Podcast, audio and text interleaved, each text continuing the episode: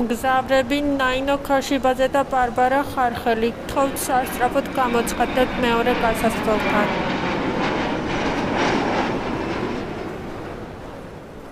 ვინ ვართ ჩვენ და რატომ შეიძლება დაგაინტერესოთ ჩვენმა ლაღბობამ?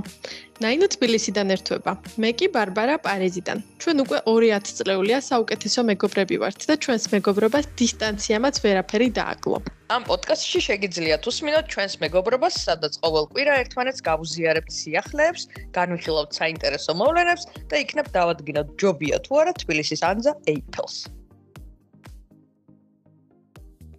მე გეკითხები როგორ ხარ ბარბარა?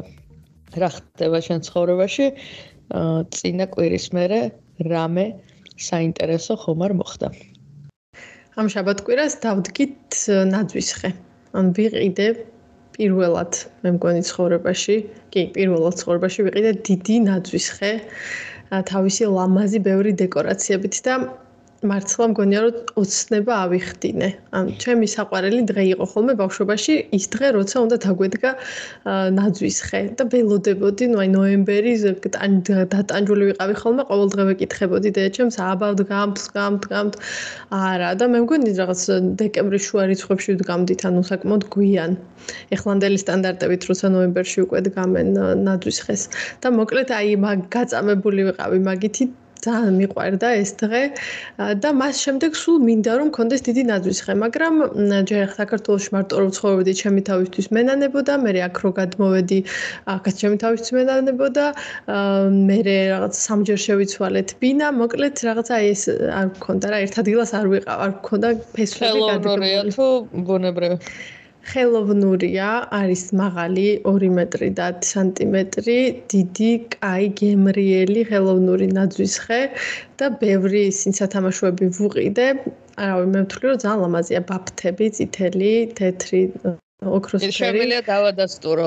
ვუყურებ აგერ ფონზე უდგას და მაქსიმალური არ ჩანდა და თან ძალიან ქუჩქუჩაა რა ბუნებრივი. ძალიან, აი ძალიან ლამაზია. ზუსტად ფილმებში რო ვუყურებდით ხოლმე ამერიკულ ფილმებში დიდ სახლებში რო უდგათ ნაძვისხე ეგეთია განათებები გავუკეთე. აი ხედავ ახლა როგორ იმაშობა ანათებს. და მოკლედ ისე მიხარია რომ სულ გვერდზე ვუზივარ ამ ნაძვისხეს. და მივხვდი მოკლედ რომ აი ჩემი იმის იმის ეგიდით რომ ვითომ ჩემი შვილისთვის ვაკეთებდი, იმიტომ რომ უკვე ნელ-ნელა ხვდება რაღაცებს და ერთად მოვრთეთ ნაძვისხე და მინდა რომ ეს ტრადიცია კონდეს. მაგით გავამართლე ჩემი ბავშვობის ოცნების ახდენა. მოეწონა თინას ის რა რეაქცია ქონდა? კი, ძალიან მოეწონა და ყოველ ჯერ როცა შემოდის ოთახში ამობს ვა. ხომ ეს ნაძვის ხეები ჩემთანაც არ ანუ ტოტს კიდევ ზეთ ხოლმე ეს არა ორიგინალური ის ქონდა ნაძვის ხეების მორთვის ტრადიცია და ეხა გამახსენდა რომ შენ ხო ეს ნაძვის ხის ადმინისტრაცია ქონდა და მე და დედა ჩემს ცოტა ცოტა ეს ბრაკონიერული ის უნდა ტრადიცია ქონდა მოკლედ მე და დედა ჩემი წინას ახალწლად საღამოს გავიპარებოდით ხოლმე და რომელიმე დიდ ხეს პატარა ტოტს ვაჭრიდით რომელსაც რაც ვერ ვკიდებდით ჩვენთან სამზარეულო იყო ჩვენი ეგრეთ წოდებული living room-ი.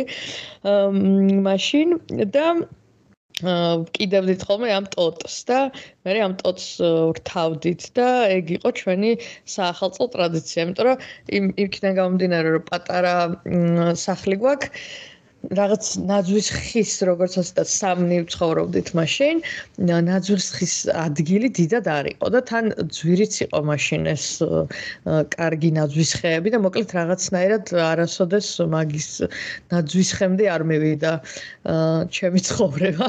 ხო და ეხა მეც მინდა ხოლმე რაღაცები მოვრთო მაგრამ ეხა კატების გადამკიდე არ ვიცი.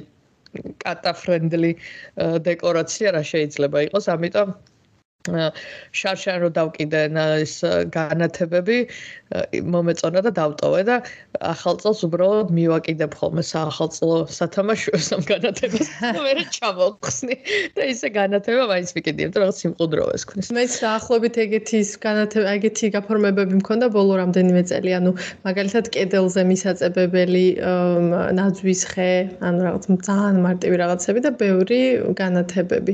მაგით გავდიოდი ხოლმე ფონს რო სულ სულისი არ ყოფილიყო რომ არაფერი არ არის მაგრამ ნუ ეხლა მართლა უდიდესი ნაძვის ხე გამომივიდა და მე ვფიქრობდი რომ რეალურად ხო ანუ ბავშვობის ნოსტალგია წამოიღო ცოტა ამ ყველაფერმა და მე ზუსტად მაგ დღეებში შევედი და ვნახე დემბოს პოსტი რომელსაც მოყვა რაღაც 2000 კომენტარი 90-იანების გახსენება ნოსტალგიაზე და ძალიან ვიცინე მაგ პოსტზე ხო, რაღაცნაირად არ ვიცი რა მოიტანა და მეც ეს დღეები გამახსენდა ეს 90-იანები და გუშინ თუ გუშინ წინ ფოტოებს ვათვალიერებდი ესე რაღაცას ვალაგებდი სახში მოკლედ როგორც შენიცი და ზოგმა ჩვენმა მეგობარმა დავიწყე სახლის მორწყობა ჩემი მოკლედ ნაძვისხე ეს პროცესი არის. სახლის მორგება ჩემ გემოზე. იმიტომ რომ როგორც აღმოვაჩინე მე ჩემ თავში ჩავეძიე ჩემ ქვეცნობიერს მივხვდი რომ იმის გამო რომ ბავშვობაში ჩემი სივრცე არ მქონდა და ჩემი ოთახი ამის გამო ძალიან მიყვარს ეხლა სახლში ყოფნა და სახლის სახლში სიმყუდროვის შექმნა. და აქამდე მოკლედ რაღაცნაირად სულ ფეხს ვითრევდი იმიტომ რომ ფიქრობდი რომ აი ერთიან რემონტს გავაკეთებ და მე რაღაცა მე გავაკეთებ იმას მე გავაკეთებ ამას და მე მივხვდი რომ რეალურად არ იყო საჭირო ამდენ ლოდი positive ვიძინი და დავიწყე პატარ-პატარა რაღაცა ცვლილებების შეტანა, რომელიც რემონტი რომს გავაკეთო ან არ გავაკეთო, მაინც იქნება, ანუ კარადა ხო არსად არ წავა, რომელიც შევიძინე პრაქტიკულობიდან გამომდინარე. ხო და მოკლედ ამ პროცესით ვარ დაკავებული და გუშინ ესე რაღაცებს თუ გუშინ წინ რომ ვალაგებდი, კიდე ამ სახლის მომყუდროების ნაწილი არის ის, რომ რაღაც ისინი კედლების გაფორმებას დავიწყე ჩარჩოებით და ამ ჩარჩოებში ბავშვი ჩემთვის რაღაც საინტერესო რაღაცებს სვამ და ცოტა მოკლედ ამ DIY-ის ელემენტებსაც შეიცავს და ძალიან სახალისოა. და ერთ-ერთი ის იყო, რომ ვიფიქრე ჩარჩოები დამჩარო, ფოტოები ჩამედო შიგნით და დავიწყე ფოტოების გადარჩევა. და მოკლედ მივედი ძველ ფოტოებამდე. რაც ყოველთვის ძალიან ანუ ყოველ ჯერზე ხო ვიცი ეს ფოტოები 100 ჯერ მაქვს ნანახი მით უმეტეს 90-იანებში საერთოდ არაფერი არ იყო Facebook-ი არ იყო და Instagram-ს ვერ სკროლავდი და ფოტოების ალბომის სკროლვა იყო ეგ პროცესი. ხო და ძალიან სასიამოვნო იყო ყოველ ჯერზე თავიდან აღმოვაჩენდი იმ ფოტოებს რომელსაც მთელი ბავშვობა ვუყურებ. და ვათვალიეროდი მოკლედ ამ ფოტოებს. და გამახსენდა რომ ეს შემხვდა ჩემი მე-9 კლასის ფოტოები, რომლებიც გადავიღე მაშინდელი ფოტოაპარატით. ეხა ანუ ბემბოს სტატუსის ინსპირაციის გაგზელება არის. ალბათ ეს ამბავი. და ვიპოვე ფოტოები, რომლებიც გადავიღე ფოტოაპარატით, რომელიც ვიყიდე მე-9 კლასში, თელ 20 ლარად. მაშინ 20 ლარი დიდი ფული იყო. ხო. და და დავიწყე მოკლედ ფირიანი ფოტოაპარატით ფოტოების გადაღება. მაგრამ ეს უკვე ის პერიოდი იყო, როცა ციფრული ფოტოაპარატები იყო შემოსული და ეს ფირიანი ძალიან უკვე აღარ იყო მოდაში. ხო და მაგრამ ციფრულის თავი არ მქონდა და ბიუჯეტი და მოკლედ რაღაცა ვაჩხაკონებდი სახში გადავიღე რაღაცა ფოტოები ჩვენი ძველი სამზარეულო გავიხსენე როგორი იყო იქ მაგიდაზე რამ კარაკი რამა გახსოვს. ვაი მე კი ის ახალი შემოსული რო იყო მახსოვს რომ იდულობდით ხოლმე და გემრიელესი მეჩვენებოდა არა და აი ნუ დარწმუნებული ვარ რომ არ იყო ეგეთი გემრიელი მარგარინი იყო ჩვეულებრივ კი და ეგ რამადებს მაგიდაზე და ეგ რამაც გამახსენდა მოკლედ კარაკი რამ. თან ეგ მე მგონი ერთ-ერთი პირველი სპრედი იყო ეგეთი რომელიც კარაკად დაგვიპოზიციონირეს და ჩვენ შოკა ო კარაკი და რაღაც რბილი კარაკი. ხო და მოკლედ ეს ძალიან საინტერესო იყო მაგ ფოტოებს ნახვა და იმის გახსენება როგორ გამოიყურებოდა სახლი მაგ დროს. და ამ სახლის იმპრუვმენტის პროცესშიც შუშო შევადარე რა უი ეს ადრე ესე იყო მე იმის მერე კიდე ერთხელ რემონტიც რო გავაკეთეთ, საერთოდ დავიწყებული მქონდა რა როგორ გამოიყურება. და მოკლედ ესეთი ნოსტალგიური. მე მე ზუსტად მახსოვს ჩემი ბავშვობის სახლი, ზუსტად აი იგი მაგასაც ერთი კვირის წინ ვიხსენებდი, რატომღაც ანუ ტვინით შევეცადე რომ ყველა ნაწილი გამეხსენებინა ჩვენი ძველი ბინის რა, რაღაცნაირად უცბად ნოსტალგია მომაწვა და იმიტომ რომ ჩემმა დამ გამომიგზავნა ვიდეო გარედან ამ შენობის, სადაც ამ კორპუსის სადაც ცხოვრობდით და მაგან გამახსენა და დავიწყებ ფიქრი და ყველაფერი მახსოვს რაღაც სასწაულ დეტალებში ყველა კუთხე კუნჭული. ну ალბათ იმიტომ რომ არც შეგვიცვლია ბევრჯერ ან რემონტი არ გავიკეთებია, მაგიტო არაფერი არ იცვლებოდა და პირველი ანუ 11 10 თუ 11 წელი იმ ბინაში ვიცხოვრეთ. ზუსტად მახსოვს ყველაფერი. ეხლა ძალიან სევდიანი ვარ რომ ის ბინა გავყიდეთ და აღარ არის. რომელი ისა კლდიაშვილი თუ არა? არა, არა, მუხიანი, ჩვენ ხავდა მუხიანში ცხოვრობდით პირველი 10 წელი. აა, მუხიანში ხო არ ნამყოფი. კი, გამახსენდა ეგ სახლში. აა, მუხიანში როგორ ხარ ნამყოფი? დოძი რო იყო ერთ პერიოდში ცხოვრობდა მან. აა, არა, ეგ თემკა იყო. ეგ თემკა, ეგ იყო ბაბუაჩემის სახლი. ჩვენ ვიყავით, ანუ ბაბუაჩემს ერგო საბჭოთა კავშირის დროს ჯერ კიდევ ერგო რაღაცა ბინა ახალ корпуსებში აუშენდა და ეს ბინა მისცა დედაჩემს და მამაჩემს მე-12 სართულზე. და მე-12 სართულზე მოკლედ ახლა როგორც იცით თან მუხიანში, ანუ არც წყალი იყო, არც შუქი იყო, ყველაფერი გრაფიკით. ვე ვეზიდებოდით ხოლმე წყალს პირველი სართულიდან ერთ ოთახს ვათბობდით მარტო კერასინგით, ну ყველაფერი რა რაც ახლა ისაც ვიცით ყველამ ჩვენ, მაგრამ სასაცილო ისაა რომ აქ თუ რამე წამომცდა ხოლმე ჩემ ბავშვობაზე, რაღაც ყველა ძალიან შეშფოთებულია ხოლმე და ძალიან შოკში არიან, რომ იმდენად წარმოუდგენელია რეებს უყვები. ალბათ მაგ დროს წარმოუდგენიათ ხოლმე ესინი დოკუმენტურები რო აქვს ნანახი ინდუეთში რო წყალი არ აქვს სოფლებში საერთოდ და სადაც კილომეტრებს დადიან ანუ რეალურად მთლად ეგრე ცუდათაც არ იყო ჩვენი საქმე მაგრამ რეებს რეებს არიან ხოლმე შოკირებული. ანუ აი ამ წყლის წყლის ამოტანაზე შუქის გრაფიკით ქონაზე ანუ კერასინკაზე ანუ გენერატორი მთელი ეს ყველაფერი რა და ყველაზე კიდე სასაცილო ის არის რომ ველოსიპედის ტარება არ ვიცი ჩემ თავს ვასწავლე ერთ სწორ გზაზე სიარული ბათუმის ბულვარში როცა უკვე 20 წლის ვიყავი, მაგრამ რეალურად ძალიან თუდად ვატარებ ველოსიპედს და აქ იმდენად უცნაური, იმდენად აბსოლუტურად ყველა მიცის ველოსიპედის ტარება და ძალიან ღრმა ბავშვობიდან. რომ აი მართლა ლამის ზოოპარკში წამიყვანონ და გამომფინონ სადმე მუზეუმში იმდენად უცნაური რაღაცა და იმდენად სასაცილოა მათთვის რომ ველოსიპედის ტარება არის მე მე რო ჩამოვალ მეც უნდა ეს გამარჯობა მეც არ ვიცი ველოსიპედს და მაგით მიმართლებ ხოლმე თავს რო არო it's not a thing ჩვენთან. ვისაც სოფელი არ ქვა მე არ მქონდა სოფელი და ეს მაგის საშუალება რომ ან ველოსიპედთან არანაირი შეხება არ მქონია და თბილისი არ არის ველოსიპედის ქალაქი ხა ისეთი აღმართი და აღმართია და იმდენად საშიშია რომ ველოსიპედით რეალურად ვერ დატი. მე ხა გამახსენდა რომ ბავშვობაში ვატარებდი უბრალოდ ანუ ძალიან ბევრჯერ დავლე პირველი წეს 25 და მახსოვს რომ დედაჩემს ჰქონდა ეს შეადუღებინებდა ხოლმე რომელიღაც მამაჩემის მეგობარს. ოღონდ იმ ეტაპზე ვიყავი, როცა ჯერ კიდე სამი ბორბალი, ანუ უკანა ორი დამხმარე ბორბალი იყო, თუ სამბორბლიანი იყო საერთოდ ის ჩემ ველოსიპედი. არ სამბორბლიან ველოსიპედ როგორ დავალეწე, წარმოადგენა არ მაქვს, მაგრამ ლეწავდი ხოლმე ამ სამბორბლიან ველოსიპედს და ეგ იყო ჩემ ველოსიპედის სასრული. და მე მაგის მე ველოსიპედი მეც არ მქონია რაღაცნაირად. აა ალბათ არ ვიცი რაღაცა ვიღაცამ უნდა გასწავლოს რა, იქ უფროსმა დაძმამ ან ვიღაცამ და მე რაღაცნაირად ალბათ შეიძლება დაძმა რო არ ყავს, არ ვიცი, ვის უნდა დაუბრალო ველოსიპედს ტარება, არ ვიცი. იმიტომ რომ დედაჩემს არ ატარებს ველოსიპედს. ხო, არა, ვინ უნდა გასწავლოს? არა, დედაჩემა იცოდა მის ბავშვობაში როგორც ჩანს ქონდა მაგისი ფუფუნება, მაგრამ ჩვენ ჩვენთვის ვისეცალა მაგ პერიოდში ახლა 90-იანებში ვის და როდის უნდა ესწავლები ვისეცალა მაგისთვის მართლა. ხო, და თან მე მე რაღაცა როლიკებით ჩავანაცვლე ეს ველოსიპედის ისისა და მე ანუ ჩემი thing როლიკები იყო და არა ველოსიპედი.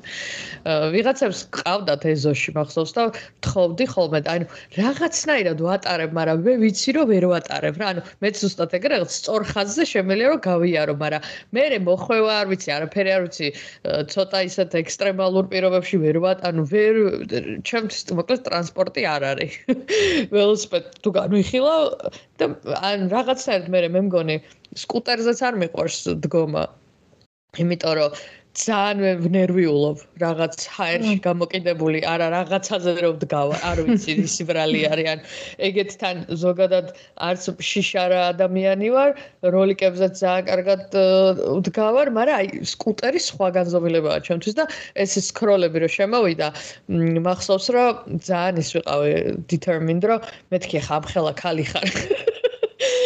სკუტერზე როგორ უნდა დადგა და ჩემს სახლთან რაღაცა პატარა მოედანი არის და იქ მოკლედ იმასკანი და დავასკანერე ეს სკუტერი რაღაცა ჩავრიცხე რაღაცამდენი ლარი და ესე მარტო წრებს ვარტყამდი და ისე გავიოფალე და დავიღალე ამ რაღაც 15 წუთიან პროცესში მივხვდი რომ ჩემი არ იყო და შევეში მოკლედ მივხვდი რომ სკუტერი საჩემო ტრანსპორტი არ არის. აი და მაგიტო მე მგონი ველოსიპედზეც ზოგადად სურვილიც არ მქონდა და რაღაცა მიდრეკილება რომ აი ანუ არ არის ხა ჩვენ არ არ არის მოკლედ ჩვენ კულტურაში ეგრა არც ერთი არც მეორე. აქ ეს სკუტერები ანუ რეალურად ელექტრონულები ახლა შემოვიდა რა თქმა უნდა აქაც და მანდაც მაგრამ აქ უკვე შემოვიდა კიდევაც და გადავიდა კიდევაც აკრძალეს უკვე მაგრამ ეს ანუ არა ელექტრონული ან ჩვეულებრივი რა, ანუ მანუალური. ეგ არსებობს უკვე უამრავი წელია და ყველა ბავშვი ატარებს. ანუ ჩემ შულსაც წელიწად ნახევრიდან უკვე აქვს ეგ სკუტერი. ხო, ეგ ჩვენთანაც ახლა შემოვიდა ეგ სკუტერები. არა, ხო, მაგრამ ამათ ამათ უკვე ძალიან ბევრი ხანია აქვთ, ანუ ის არა არა ელექტრონული. ისინი რატო აკრძალეს უსაფრთხოების ამბავში? კი, ძალიან ძალიან არა უსაფრთხო არის, იმიტომ რომ მაგისტვის ხო ცალკე ის არ არის ხაზი და ანუ ქუჩაშზე, ანუ მანქანებთან უწევდათ სიარული და ჩაფხუცაც უმეტესობა არის არიკეთებდა, პლუს ამას ან დაბინძურება არის რეალურად ვიზუალურ დაბინძურებას ეძახიან ამ ლამას პარიზში, რომ მიყრილ მოყრილი არის ეს მახინჯი სკუტერები, მოკლედ არ არ მხოლოდ პარიზში მხოლოდ ვირთხები. მხოლოდ ვირთხები და ლამაზი ვირთხები თუ შეიძლება. პარიზელი ლამაზი გამხდარი. natural beauty ვირთხები. აუ natural beauty-ზე გამახსენდა ზუსტად. ანუ აქ ხო ძალიან გარემოზე ის არის ან რა ორიენტირებულები და გარემოს დაცვაზე და მაქსიმალურად ნაკლები ენერგიის მოხმარება, დაზოგვა, არა ვეისტი, ასე შემდეგ. და ბუნებრიობა ზოგადად რა, ანუ აი ეს ყველაფერი ბუნებრივი, კარგი, ანუ ზამთარში უნდა ციოდეს, ზაფხულში უნდა ცხელოდეს. ანუ ზაფხულში არ არის კონდიციონერი, ეს ცნობილი ფაქტია, რომ არავის არ აქვს პარიზში კონდიციონერი. და ზამთარში ხა გათბობა არის, მცლად ეგრე არ გაგიჟებულან, მაგრამ ძალიან დაბალზე. მე რო ჩამოვედი, მქონდა და აწეული 24 გრადუსზე და აი ეს იყო უდიდესი ტრაგედია ჩვენს ოჯახში რომ ამ ხელაზე რატო გაქვს ჩართული როგორი არა არა ცუდია გარემოსთვის იმიტომ რომ ბევრ მას მოითხოვ მოი ბევრ ენერგიას მოიხმართ. ჩამომაწევია თითო ყოველ წელს თითო გრადუსით ვიწევთ ქვემოთ. და ეხა ვზივარ 19 გრადუსში.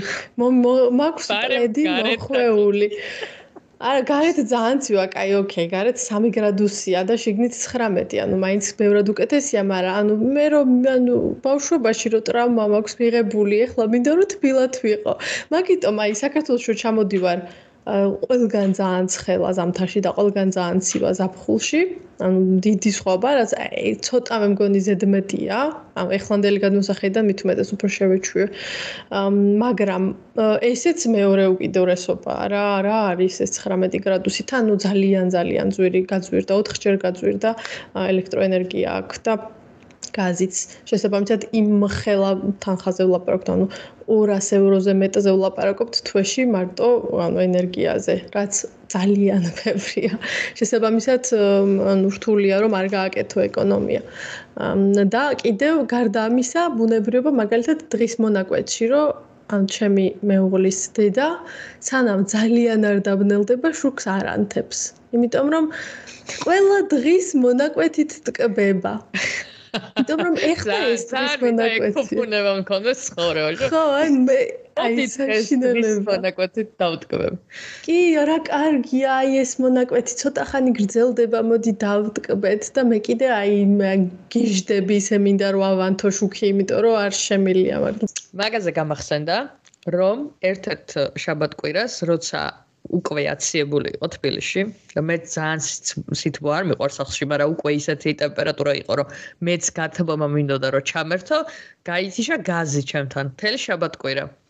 თან ისა რომ წინასწარ ვერც თადარიგი ვერ დავიჭეხა, არ ვიცი რა თადარიგი უნდა დამეჭირა, შეშას ვერ დავჩახავდი, მაგრამ ნუ მორალურად მაინც ვიქნებოდი მზად. და მოკლედ გაზი არ მქონდა. ზიჯექი თელი შაბათკვირა სახლში აღზ ვერც ვიბანავე. ო, წინასწარ მაინც ხო იბანავებდი რო. ხო, მინიმუმ. და მოკლედ ზივარ ესე მოწყენილი და კვირას წავიდა კიდე შუქი. და რომ შუქი რა წავიდა უკვე იმას ნიშნავს რომ საერთოდ ვეღარაფერს ვეღარ ვაკეთებ რა და თან ტელეფონიც მალე დამიჯდება და მართლა თავი მეგონა მოწყვეტილი სამყაროსგან და მე რა გამახსენდა იცი ჩვენ რო 90-იანებში ისტორიები გვესმოდა ხოლმე რომ ჩვენ მიჩვეული ვიყავით ამ გაზის და შუქის და არაფრის და წყლის გათიშვას იქ რომ ამერიკაში იცი იქ შუქი წავიდა და ვიღაცები ფანჯრიდან გადავარდნენ და თავი მოიკლეს და ზოგადად ჩვენ რო დავცინოთ რა ესუსტები აზე არ არიან გამძლეობა რა არის და რაღაცას რო იძახით. ხოლმე ეგ ადამიანი გავხდი.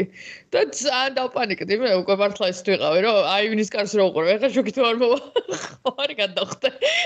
და მე მე მივხვდი რომ ალბათ რავი, კარგმა ცხოვრებამ მიჩვევა იცის ეს ერთი და მეორე რომ აი ეს რაღაცა ტანჯვით ტანჯვა გამო ტანჯვის გამოვლა რომელიც არ არის აი დისკომფორტის განცდა რომელიც არ არის საჭირო რომ განვიცდიდეთ რომ არ არის საჭირო.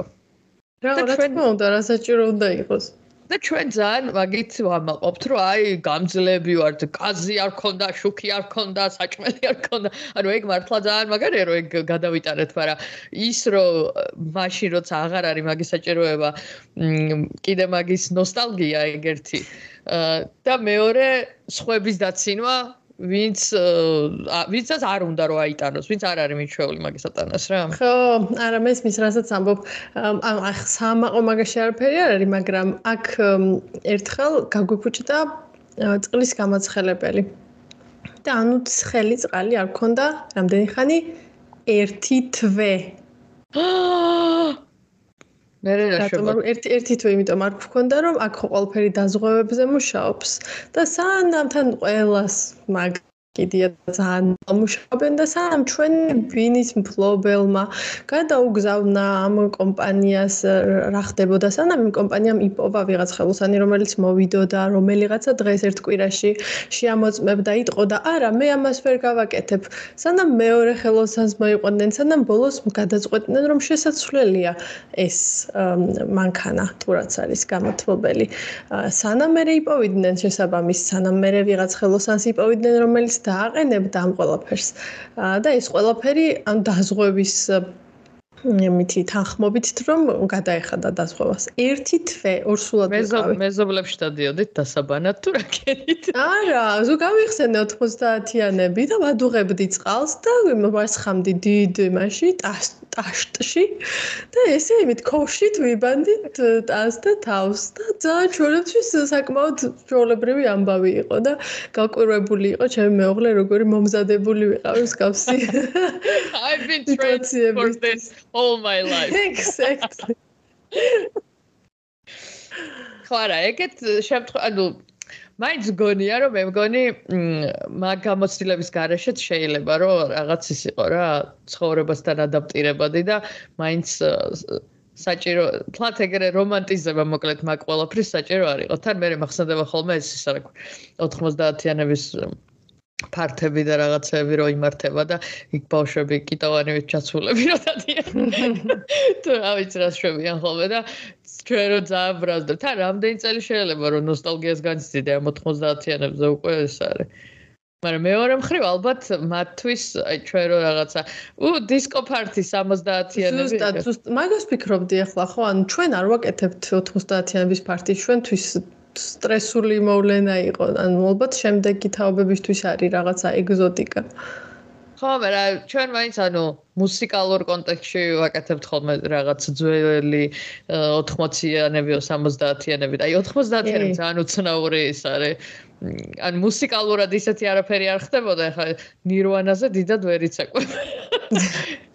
ну რაღაც ანუ სხვანაირი მოკლედ დისკო რა ფენომენიც იყო ეგეთ ფენომენი 90-იანებში არაფერი არ გვაქვს მე მგონი. ხო არა მეც მეც არ მახსოვს არაფერი ეგეთი საინტერესო მუსიკაში ანუ რა ვიცი როკ მუსიკაში ეთლის რასაც ჩვენ უსმენდით ეგეთი კულტი არ შექმნილა. ნუ ოპში შეიძლება, მაგრამ მაინც ისეთი არ არის. მაინც ის არ არის რა, რაც ახლა როგორ დისკო დისკო. იმიტომ რომ პოპი ისე ანუ ბევრ მასში არსებობდა გამოხატულებაში და ეხაც არის და ხო და ალბათ ეგ არის რომ იმათთვის ანუ ჩვენთვის რაც 80-იანებია, იმათთვის ეს 90-იანებია და მაგიტო არის. უბრალოდ აი მე მგონი ის რა მატრიგერებს 90-იანების ნოსტალგიას რო ეძახიან. კი, რაღაც პოზიტიურ კონტექსტს აძლევს და მაგიტომ გათრიგებს. ხო, ხო. თორე აი უბრალოდ 90-იანების პარტი და მოდით ყველა ვიტიროთ და შუქი გამოვიცოთ. ხო, სანთლის შუქზე ვიმეცადინოთ. ზაკა იქნება 90-იანების მეცადინეებები. არა, ლამპის შუქზე, ლამპა მე რო შელამპა რო შემოვიდა, ჩვენ არ გქონდა თავიდან და ეგ დიდი მოვლენა იყო, მაგრამ საშინელი სუნი ქონდა. აუ და იცრები მახსოვს კიდე ესენი რო იყო კერასინკები ორნაირი რო იყო ერთი წითელი რო იყო. წითელი და მწვანე. ხო წითელი დიდრებს ქონდათ ო დიდარი ვიყავი მე წითელი და დიდი იყო ხო ცოტა დიდი იყო ხო და ცოტა უფრო ძვირიანი და ალბათ თან უფრო ეს იყო და ჩვენ მახსოვს რომ ქონდა აუ რეები გვაქვს გამოვლ მე კიდე იცრები მახსოვს გაზი პირველად რომ გამოგვიყვანეს გამათბობელი არ ქონდა და ესე იმაზე ქურა იმაზე რა ქურაზე კამფორებიანზე დებდი დაგურს რომ გაენაწილებინა სიტყვა მთელ ოთახში კი არა და მთელ სახლში და მაგის გამო ანუ ყველაფერი ჩამოვარდნილი მაგ ნესტს აგროვებს ეგერად ანუ გარეწვის ისინი ზედაპირები და ყველაფერი ნესტიანი იყო და ისინი კუთხეებში შპალერი და რაღაცები ესე არის აბურკლული არის და მოკლედ ძალიან ესა არა შენ ძალიან ეს იყავი ბურჟუა იყავი გაზი გქონდა ბავშვობაში. ნუ ცოტა უფრო მოგვიანებით ბავშვობაში მაგრამ ხო მაინც სკოლაში დავდიოდი უკვე კი გაზი რო გქონდა და პრინციპში მაგამ ბავში გამიმართლა. რა აგური იყო აგური ჩვენ არასდროს არ გქონია, ეგ ეგ არ მახსოვს. მან ჩვენ მარტო სამზარეულოს ვათბობდით ხოლმე კერასინკით. ყოველ ჯერზე როცა ტუალეტში უნდა წავსულიყავი და მორალური შემზადება მჭირდებოდა ხოლმე როცა ციოდა მაშინ. აუ ეგ ახლა მეც გამახსენდა რომ ჩვენი living room-ი პატარა სამზარეულო რო იყო. აუ ეხა გამაჟრიალა იმის გახსენებაზე კარს რო აღებდი და სიცივე რო გეტაკებოდა. და ის პატარა ოთახი რო ხმერთ არ არ მინდა 90 ანუ ოთახიდან რო გადიოდი უნდა ჩაგეცვა ანუ მე ვიცოდი ხოლმე რაღაცებს და ისე გავდიოდი ტუალეტში.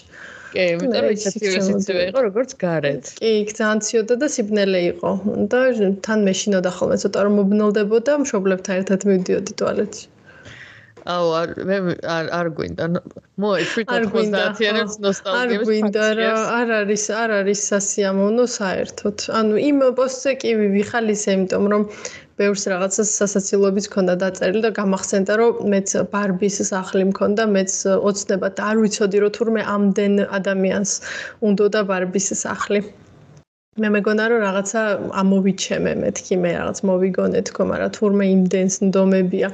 აი ჩემთვის იყო ილუზია. არ ვიცოდი რეალურად არსებობდა თუ არ არსებობდა იმიტომ რომ გაგებული მქონდა მაგრამ ჩემს წარმოდგენაში დავხატე როგორი იქნებოდა. მე გამიმართლა რომ ჩემ ბავშვობის მეგობარს ქონდა ბარბის სახლი. ეხა მან რო ახსენეს ბარბის სახლი მე გამახსენდა.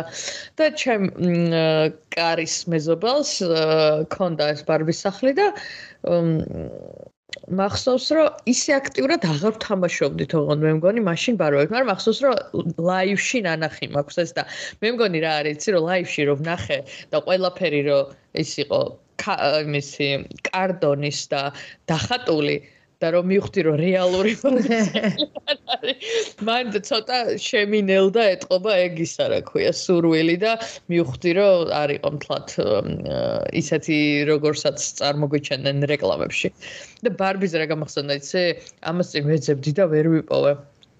მქონდა ბარბის კატალოგი რომელიც არ ვიცი საიდან მოხვდა ჩემთან შეიძლება რაღაცა ჩვენ კიდე რაღაც ოჯახის მეგობრები რომლებიც მოსკოვში დადიოდნენ ხოლმე იმათგან ვიღაცამ წამოიყო ან ვიღაცამ ბებია ჩემის ნათესავებისგან გამომიგზავნა კატალოგი მქონდა და იმაში იყო ყველანაირი ბარბები და ეხა ბარბის ფილმი რო გამოვიდა იქ იმებს უყურებდი ხოლმე სხვების კოლექციებს. რეფერენსები. ხო სხვების კოლექციებს უყურებდი და მეც კი ეგ ჟურნალში მაგ ნანახი mermaid barbie და ძალიან მე ძალიან ვეძებ ხა იმ იმას იმ იმ კატალოგს და ვერ ვიპოვე ვერსადარა და ძალიან ის იყო. აი ეგ რაღაცნაირი კარგი ნაწილი იყო ვიზუალურად კარგ კარგად მახსოვს ნათელი წერტილი იყო ეგ კატალოგი. გამიხარდებოდა ეგ რომ ქონოდა ალბათ გადავგიჟდებოდი ისე ისე გამიხარდებოდა. მაგრამ ჩემ ბავშვობიდან არაფერი აღარ შემოგვრჩა იმიტომ რომ მე მგონია რომ ჩვენ მშობლები იმდენად ან იმდენად დასტრესილები იყვნენ მაგ პერიოდიდან, რომ შეძლეს თუ არა ეგრევე, ან ჩემ შემთხვევაში შეძლეს თუ არა ეგრევე გადაყარეს ყველაფერი, რაც ახსენებდათ მაგ პერიოდს. აი, ყველაფერი გადაყარა დედაჩემ, არაფერი არ დარჩა. მ ბავშვობის ნივთი ჩემს ცხოვრებაში და ცოტა მე მასევდიანებს ხოლმე, იმიტომ რომ მაინც აი ეგ ნოსტალგია რო ბავშვობას რაღაცა გახსენებს, მინდა რაღაცა მქონდეს შემორჩენილი, იმიტომ რომ აქ ყოველას ბავშვობიდან მოყოლებული უამრავი რაღაცები აქვს შენახული. ჩემი პირველი რაღაცა, ჩემი პირველი სათამაშო, ჩემი ის ჩემი ანუ ჩემი მეუღლის მშობლებს მართლა ყველაფერი შენახული აქვს, ყველაფერი ჯერ კიდევ ტანსაცმელიც კი, მთელი ოჯახის ტანსაცმელი, ანუ ამ სამნი არიან, სამი ბავშვი არიან ოჯახში, შვილი. იმათ კიდე შულები ყავთ. მთელი ამათი ტანსაცმელები გვერგო ემათ რა ქვია. მე მე მკვიდრეობთ. და ეხლა კი მეთინას მაგალითად თავისი მამიდის, ან ჩემ ხელა მამიდა, დის კაბები აცვია. ანუ ეს კაბები არის 30 წლის და მეტის. მან დიც რას ვიქრობ, ისიც ხო არ არის, რომ მაგრა ნივთების შენახვაც ფუფუნება იმ ხრივ, რომ ადგილი უნდა გქონდეს. მაგ ყველაფერს შესანახად. იმიტომ რომ ეხლა მე რო ვიხსენებ მაგალითად ჩემ რაღაც სათამაშოებს, ანუ რა ერეები ჩემომჩა, ამ ჩემ პატარა სახლში ჯერ ხო არ ვიცი რაღაც მერი პოპინსის ბინა არის მე მგონი რაღაცები როგორ ეტევა წარმოდგენა არ მაქვს. და ჩემი რაღაცები მაქვს შენახული, მაგრამ რაც აქ თქვა არ ეტეოდა, მახსოვს რომ ბებია ჩემთან მქონდა ქუთაისში წაღებული და იქ იქ იყო. და რაღაცა ბევრი სპეისი რო და კიდე რაღაც სარდაფი გვაქვს რომელშიც შეიძლება რომ ეს ყველაფერი ჩაიტანო და შეიძლება ეგეც არის რომ სიფცეც სიფცის ამბავია რომ და აპრიორიტეტ რა შეინახო და რა არა. შეიძლება კი, მაგრამ მე დარწმუნებული ვარ, რომ რომც გქონოდა ადგილი და ეჩემი არ შეინახავდა, იმიტომ რომ ეზიზღებოდა ეს ყველაფერი და ახალი უნდა და იმიტომ რომ მათთვის ეგ იყო სტრესი. ანუ და ეგ უნდათ ახლა მე რომ ნაძვის ხემინდა და ჩემს ის რაღაცა ახალი ტანსაცმელი უნდა და ძველის მოშორება უნდა და შესაბამისად აღარ არის და მაინც მგონია რომ უფრო ის არის მაინდსეტია რა აქ მაქსიმალურად ესეც იგივე ამ გარემოს ზეზრუნვაზე ში გადის რომ ნაკლები ტანსაცმელი იყიდო და გამოიყენო რაც უკვე გაქვს. და ჩვენ არ გვაქვს ეგ მენტალობა ჯერჯერობით ძალიან შორს ვართ მაგერად. მაგრამ იცი რა, ეხლა რა გამახსენდა? ჩვენ ძალიან ბევრი გამონაცვალი გვეცვა. შესაბამისად, ჩვენ საკმაოდ გამოფრთხილდებოდით გარემოს. კი, მე მაგას ვამბობ, რომ ჩემი ვალი მოვიხადე. ეხლა როცა მე ვნებიან ხოლმე რაღაც შუქს თუ ზედმეტად ავანთებ და ეს რა არის? ეს ვერსალია თუ ჩვენი სახლი? ეს არის აკაური ფრაზა. თუ ძალიან ბევრი ბევრი განათება თუ ვერსალი ხომ არ არის გევნებიან და და მე მე რამდენჯერმე ნერვები რომ მომეშალა ვთქვი რომ მე მეთქი ჩემი ვალი მოვიხადე რომ პირველი 13 წელი ცხოვრების შუქი არ მქონდა და არ მოიხმარე არც შუქი არც წყალი.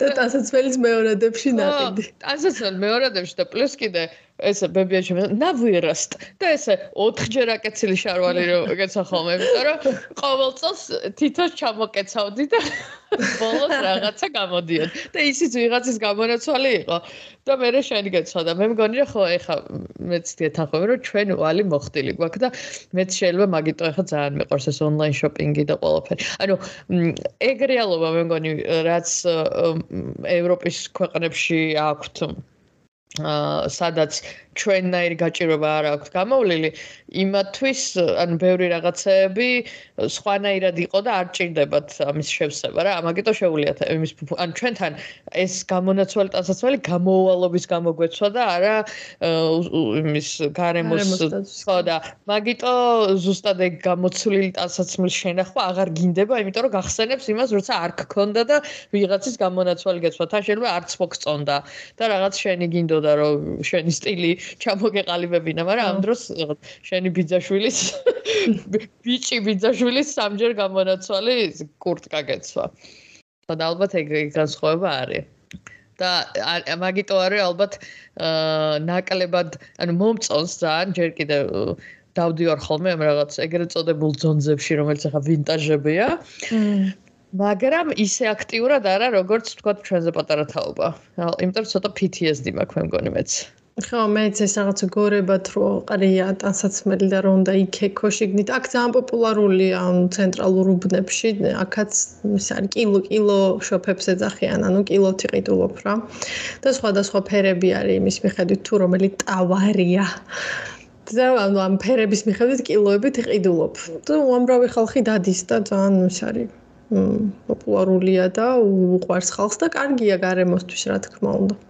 არა ჩვენთან ცნელნოა ეს არის უფრო განვითარდა და თან სტილის ამბავშიც უფრო ეს არის და მე მომწონს ხოლმე როცა აი მართლა რაღაცა საინტერესო რაღაცებს ვიპოვე მაგრამ აი ის რომ თლიანად მაგაზე გადავერთო ალბათ ზედმეტად მართლა ის მაქვს მ ფლეშბექები 90-იან შოზე გამოუვალობის გამო უნდა მევლო მეებში რა ქვია მეორადებში და თან ის სუნი რო ქონდა რომელიც რო გარეცხოდი მაინც რო არ გადიოდა ხოლმე. კი კი კი ეგრევე რო გეტალინა რომ შენ ზონზებში გიყავე ჩაცმული